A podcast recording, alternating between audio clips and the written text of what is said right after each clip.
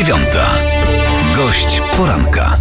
A gościem poranka 7.9 jest poseł Konfederacji Artur Dziambor. Dzień dobry panie pośle. Dzień dobry panie redaktorze, dzień dobry Dawno się nie słyszeliśmy, a tematów e, wiele w polskiej polityce. Zacznijmy od tego palącego, najbardziej palącego i pozwoli pan panie pośle, że zadam trzy pytania w jednym. Mam na myśli sytuację na granicy polsko-białoruskiej i tym, co jest z nią związane. Po pierwsze chciałem zapytać, jak pan ocenia to, co obecnie dzieje, się dzieje na granicy polsko-białoruskiej? Po drugie, jak pan ocenia działania rządu w tym zakresie? A po trzecie, działania części polityków opozycji? Dobrze, e, to tak. Po pierwsze, jeżeli chodzi o to, co się dzieje na granicy polsko-białoruskiej, to my tak naprawdę jeszcze w tym momencie nie mamy pełnej wiedzy. E, Nie wiemy, kto tam jest e, i jakie ma zamiary względem Polski, czy przypadkiem nie jest tak, że po, polsku, po prostu chce przez Polskę przejechać. Raczej stawiam to właśnie. E, Na pewno e, należy mieć wątpliwości co do tego, że są to uchodźcy, e, ponieważ no, uchodźcy oczywiście afgańscy, ponieważ no, mają, mieliby prawie 5 tysięcy kilometrów do przebycia. E, Co oczywiście w tak krótkim czasie byłoby absolutnie niemożliwe. Jeszcze wystarczy spojrzeć na mapę, żeby zobaczyć, ile musieliby przejść, żeby do Polski trafić. Trzy miesiące E, jeżeli- internauci, pokaz- internauci uchwycili, trzy miesiące trwałaby wędrówka z Kabulu do przejścia No Polski na, na, granicę. No właśnie, więc, y, więc naprawdę należy nie podchodzić do tej sprawy infantylnie, na zasadzie takiej, że no, mamy dobre serca, więc musimy pomagać. Ja to rozumiem, ja to, ja to popieram, tak, należy pomagać. Natomiast y, też należy dbać o bezpieczeństwo i o to, że Polska ma wiedzieć, kto do Polski przyjeżdża. I tak jak nie, nie mam nic przeciwko imigracji zarobkowej, sami Polacy są największymi e, imigrantami zarobkowymi w Europie w ostatnich dziesięcioleciach, więc nie mam nic przeciwko temu. Natomiast jestem ogromnym przeciwnikiem e, tak zwanych kwot e, imigrantów, uchodźców, czy jakkolwiek ich się nazwie, które państwo ma obowiązek przyjąć w ramach jakichś międzynarodowych umów. Tak samo w 2015 była sytuacja, w której musieliśmy się twardo postawić i tak samo uważam teraz. Mm, Widzę też pewne zagrożenia. E, Zagrożenia wynikające z tego, że oczywiście Białoruś może wykorzystywać tę sytuację do tego, żeby rozgrywać sobie tutaj mm, jakąś gierkę na granicy Unii Europejskiej jednak przecież. E, I w momencie, gdy my tych ludzi ochoczo wpuścimy, istnieje zagrożenie, że pojawi się po chwili y, kolejne, kolejne setki i kolejne tysiące takich ludzi właśnie tam. Y, Więc no my to musimy po prostu kontrolować. My musimy wiedzieć, kogo tu wpuszczamy i my musimy nie kupować y, tanich bajek o tym, jak to oni z prędkością światła uciekli przed talibami. No po prostu y, pol- polskie państwo musi zachować się odpowiedzialnie Zwłaszcza, i że panie, zwłaszcza, że zachowuje się. zwłaszcza, że panie pośle, o działaniach rządu i opozycji jeszcze za chwilę, ale zwłaszcza, bo pan mówił pan przed chwilą o tym, że mamy, nie mamy pełnego obrazu wiedzy, to prawda, ale z drugiej strony media od kilku tygodni przynajmniej donosiły to, to, to o czym działo się na granicy polsko, białorusko-litewskiej, przepraszam bardzo, mam na myśli Tak, ten proceder zorganizowany przez Aleksandra Łukaszenkę, po prostu, że państwo białoruskie ściąga ludzi z Iraku, z Afganistanu, z innych państw y, Bliskiego, Dalekiego Wschodu samolotami i potem przewozi je pod granicę po to, by destabilizować państwa Unii Europejskiej. I o tym, z tym mierzyła się Litwa, z tym mierzyła się Łotwa, z tym prawdopodobnie mierzy się też Polska. Tak, a nasi posłowie Platformy wiozą im tam, e, wiozą im tam jedzenie i koce. No, e, naprawdę, co innego działalność charytatywna i co innego oczywiście e, taka zwykła empatia, tak, bo jednak to też ludzie, ale zupełnie inna sprawa to jest bezpieczeństwo państwa i to, co knuje Łukaszenko właśnie robiąc tego typu, e, tego typu ruchy, no i w, jak wyglądać będzie dalszy ciąg tego projektu, ponieważ ja, ja podejrzewam, że oczywiście ci ludzie no nie zamieszkają w Polsce i nie przesuną i, nie, nie, będą Polakami tutaj i nie będą tu pracować, tylko natychmiast ruszą w stronę polsko-niemieckiej granicy. Yy, I to, yy, to też musimy po prostu wiedzieć, yy, wpuszczając, próbuj, chcąc ich tutaj wpuścić, tak?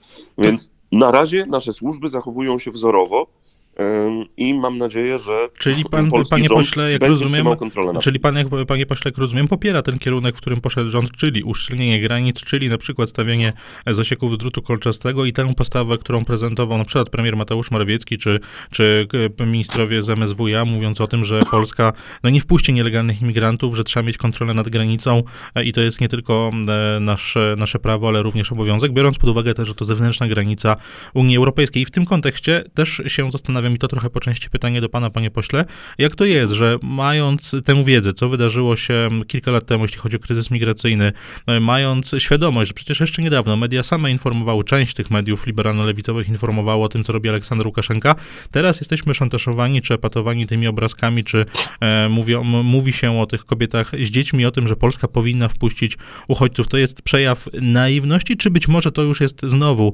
pałka polityczna, której próbują politycy czy niektórzy dziennikarze używać do tego, by przeatakować rząd?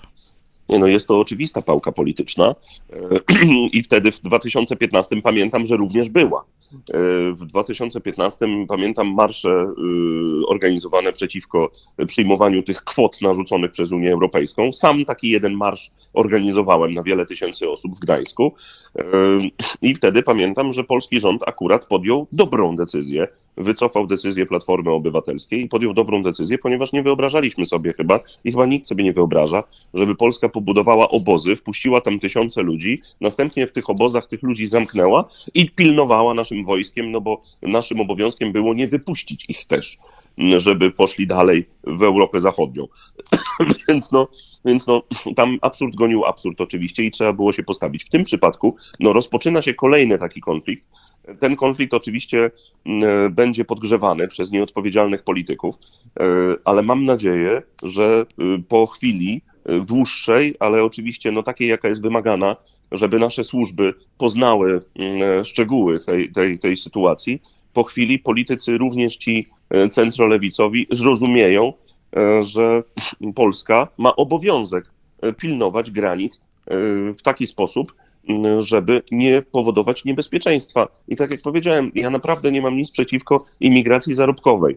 Jeżeli ci, jeżeli ci ludzie by tu przyjeżdżali legalnie i chcieliby przekroczyć granicę, mówiąc, że oni tu przyjeżdżają do pracy, tak jak mamy masę przecież Ukraińców, mamy masę Białorusinów, mamy Czeczenów, tak, i, i tak dalej. No mamy, mamy po prostu pełno y, imigrantów, zresztą tyle, ile teraz mamy, to nie mieliśmy nigdy. Y, więc, więc no, ale to są wszystko ludzie, którzy tu legalnie przebywają, którzy dostają tutaj pracę, płacą tu podatki, y, przynajmniej w większości, bo oczywiście jest też jakaś tam szara strefa, ale, ale jednak są to ludzie, którzy przyjeżdżają tu do pracy. To jest zupełnie inna sytuacja niż to, gdzie to my de facto będziemy przez Stany Zjednoczone i przez, przez Unię Europejską w pewnym momencie pewnie zmuszani do tego, żeby tych ludzi przyjąć i opiekować się nimi i ich utrzymywać. Gdzie tak, naprawdę, gdzie tak naprawdę nie mówimy właśnie o uchodźcach, tylko prawdopodobnie o nielegalnych imigrantach. Zostawmy, panie pośle, ten temat, bo jeszcze chciałbym porozmawiać z panem na kilka tematów, e, więc mhm. pokrótce zapytać o nowelizację ustawy medialnej. Konfederacja się e, wstrzymała. Zapowiedzi już są takie, że Konfederacja również się wstrzyma, gdy ustawa wróci z Senatu do Sejmu. Skąd taka postawa? Dlaczego taka postawa, panie pośle? E, czy, czym jest spowodowana?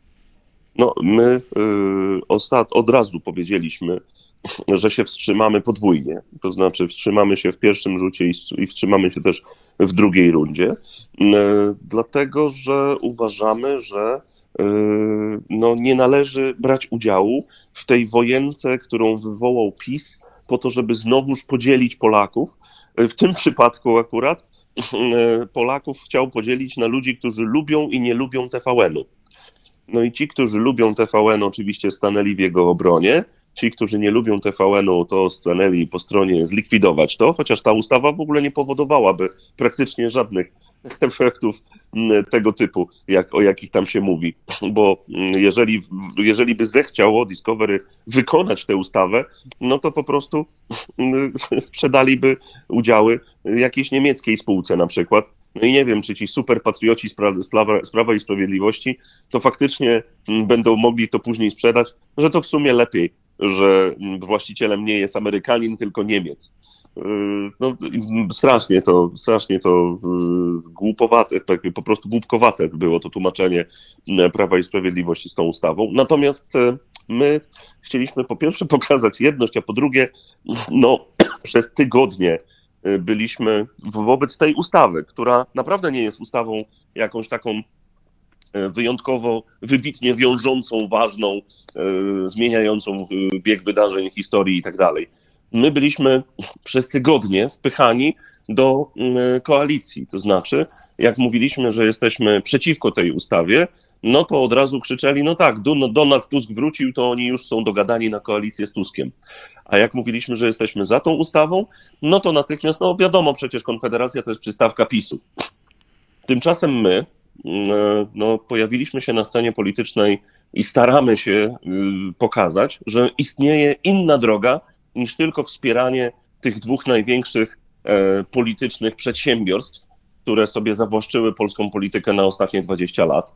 I zgodnie z tym, co kiedyś prezentował Borys Budka na takiej fajnej prezentacji, której prawie nikt już nie pamięta, czyli Koalicja 276, jest obóz Prawa i Sprawiedliwości, jest obóz Zjednoczonej Centrolewicy i jest Konfederacja. I my od czasu do czasu musimy po prostu to pokazać, ponieważ niektórzy ludzie pozwalają sobie na to, żeby o tym zapomnieć. Nasze wstrzymanie się w drugim, e, w drugim rzucie, czyli wtedy, kiedy to wróci z Senatu, będzie równoznaczne ze sprzeciwem. E, więc, więc akurat tutaj kwestia jest tego, czy Prawo i Sprawiedliwość zdoła uzbierać większość. Na chwilę obecną, jakby teraz e, zrobić to głosowanie dzisiaj, no to wygląda na to, że e, większość sejmowa jest i to wynosi 231 albo 232 głosy. Zobaczymy zatem, czy tak rzeczywiście będzie. Gdy przejdzie do głosowania, to panie pośle, jeszcze krótko w temacie sejmowym, zanim zapytam o szczepienia. Chciałem zapytać o ewentualne odwołanie marszałek Sejmu Elżbiety Witek, ewentualne, bo opozycja jeszcze tego wniosku nie e, złożyła, ale były konsultacje, były konsultacje, na których był też przedstawiciel e, Konfederacji, więc moje naturalne pytanie, czy Konfederacja e, poparłaby taki wniosek o odwołanie marszałek Sejmu Elżbiety Witek, czy być może ta decyzja byłaby mhm. inna, być może nie byłoby dyscypliny. Jak Konfederacja patrzy na tę kwestię odwołania marszałek Sejmu? Tu znowuż jest kwestia polityczna i znowuż jest sytuacja, w której y, będzie oczywiście propaganda chciała skręcić w tę stronę, że ktoś jest z kimś, a nie samodzielnie funkcjonuje. Dlatego my zdecydowaliśmy się na wystąpienie na tym spotkaniu z dwoma konkretnymi postulatami, które są przypisane do Konfederacji, myślę, od samego początku. Pierwszy postulat to jest oczywiście pełny sprzeciw dla Nowego Ładu, całkowity, bez żadnych niuansów, ponieważ ten Nowy Ład w taki sposób, w jaki jest zaproponowany, to jest, y, to jest drastyczne pogorszenie warunków prowadzenia działalności w Polsce, jakiejkolwiek biznesowej. Y, po drugie, no jesteśmy od samego początku przeciwnikami tej galopującej segregacji sanitarnej, którą w tym momencie rząd po cichu wprowadza, a przez nadgorliwych, nadgorliwych y, właścicieli, właściwie zarządców, bo to głównie w państwowych placówkach dzieją się różne złe rzeczy, y, jak w wojsku na przykład, jak w urzędach, jak w szkołach. Y, jesteśmy przeciwnikami pełnymi segregacji sanitarnej, czyli dyskryminowania ludzi za to, że się nie zaszczepili na COVID-19. To są dwa nasze postulaty. Nie wystąpiliśmy tak, jak większość negocjacji zawsze wygląda, co za to dostaniemy, kogo za to będziemy mogli obsadzić. Nie było w ogóle dyskusji personalnej. My mamy dwa konkretne postulaty, które są związane z naszą działalnością i chcemy, żeby opozycja się zadeklarowała, że te postulaty poprze. Czyli rozumiem, Jeżeli jeśli... opozycja się zadeklaruje, my wtedy zagłosujemy razem z nimi. Natomiast, panie redaktorze, ja jedną rzecz muszę powiedzieć na koniec w tym temacie. Po pierwsze, taka, taki wniosek miałby sens tylko wtedy, gdyby była większość na sali. I ta większość na sali, tak jak powiedziałem przed chwilą, w tym momencie jest wątpliwa. Po drugie, ja uważam, że pani Witek powinna się sama podać do dymisji. Pani Witek okłamała Sejm, mówiąc, że z kimkolwiek rozmawiała na ten temat, co na temat tej reasumpcji. Po drugie, no, pani Witek jednak e, przez to, że okłamała Sejm i przez to, że przeprowadziła reasumpcję w ten sposób, najprawdopodobniej złamała prawo. I to, że zostanie pociągnięta do odpowiedzialności za to, pewnie dopiero po zakończeniu tej kadencji, ponieważ w tym momencie nikt nie będzie w prokuraturze zarządzanej przez Zbigniewa Ziobro wszczynał postępowania przeciwko własnemu marszałkowi. E, Panie pośle, to na koniec jeszcze krótko niestety, choć temat e, ważny, ale poruszyć go trzeba. Szef Rady Medycznej przy premierze, profesor Andrzej Horban, był gościem wczoraj w, na antenie TVN24, gdzie mówił między innymi o tym, że e, myśli, jak rozumiem Rada Medyczna, być może rząd, o wariancie francuskim, że jesteśmy jego bardzo blisko, a po drugie, że przyjdzie czas i to już niedługo na przymus szczepień. Jak pan, panie, pa, panie pośle, patrzy na taki głos, na takie pomysły, które pojawiają się co i rusz w debacie publicznej? Y, No ja żądam, żeby profesor Horban był y, wywiadowany codziennie. Y, Uważam, że ten człowiek powinien po prostu codziennie występować i opowiadać, co on sądzi, ponieważ dzięki niemu nie są żadni antyszczepionkowcy potrzebni. Nikt nie zrobił tyle dla ruchu antyszczepionkowego i po to, żeby ludzi jakoś odsunąć od chęci szczepienia się, niż właśnie profesor Horban. Także to oczywiście się, się trochę sarkazm, ale, ale naprawdę człowiek, który y, występuje z autorytetem profesora medycyny i z, ze stanowiskiem członka i przewodniczącego Rady Medycznej przy premierze, zajmuje się właściwie każdego razu, gdy tylko dostaje, gdy tylko dostaje możliwość powiedzenia czegoś w mediach, zajmuje się przerażaniem Polaków, straszeniem ich, e, machaniem palcem. E, On tam powiedział, że ręka ich świeżbi do tego, żeby żeby zadecydować o obowiązkowym, przymusowym, nie obowiązkowym szczepieniu. Obowiązkowe to jest taki, takie drugie słowo, które wymyślił z kolei minister Niedzielski, który powiedział parę dni temu, że nie, nie, to, to nie będzie przymus, to będzie obowiązek. E, Także to nie są podatki, to są opłaty. E, Tak, to, to wiadomo. Także no, y, pokazujmy tych ludzi codziennie. Im więcej ich będzie, tym bardziej ludzie będą mieli dość tego, co rząd robił przez ostatnie półtora roku. Naprawdę wnoszę o to, żeby, żeby profesor Horban mógł codziennie opowiadać takie rzeczy w mediach, bo mm, no, to on sprawia, że ludzie po prostu nie mogą na to patrzeć. Puentował i apelował Artur Dziambor z Konfederacji. Panie pośle, bardzo dziękuję za rozmowę. Dziękuję, miłego dnia. Siódma, dziewiąta. Gość poranka.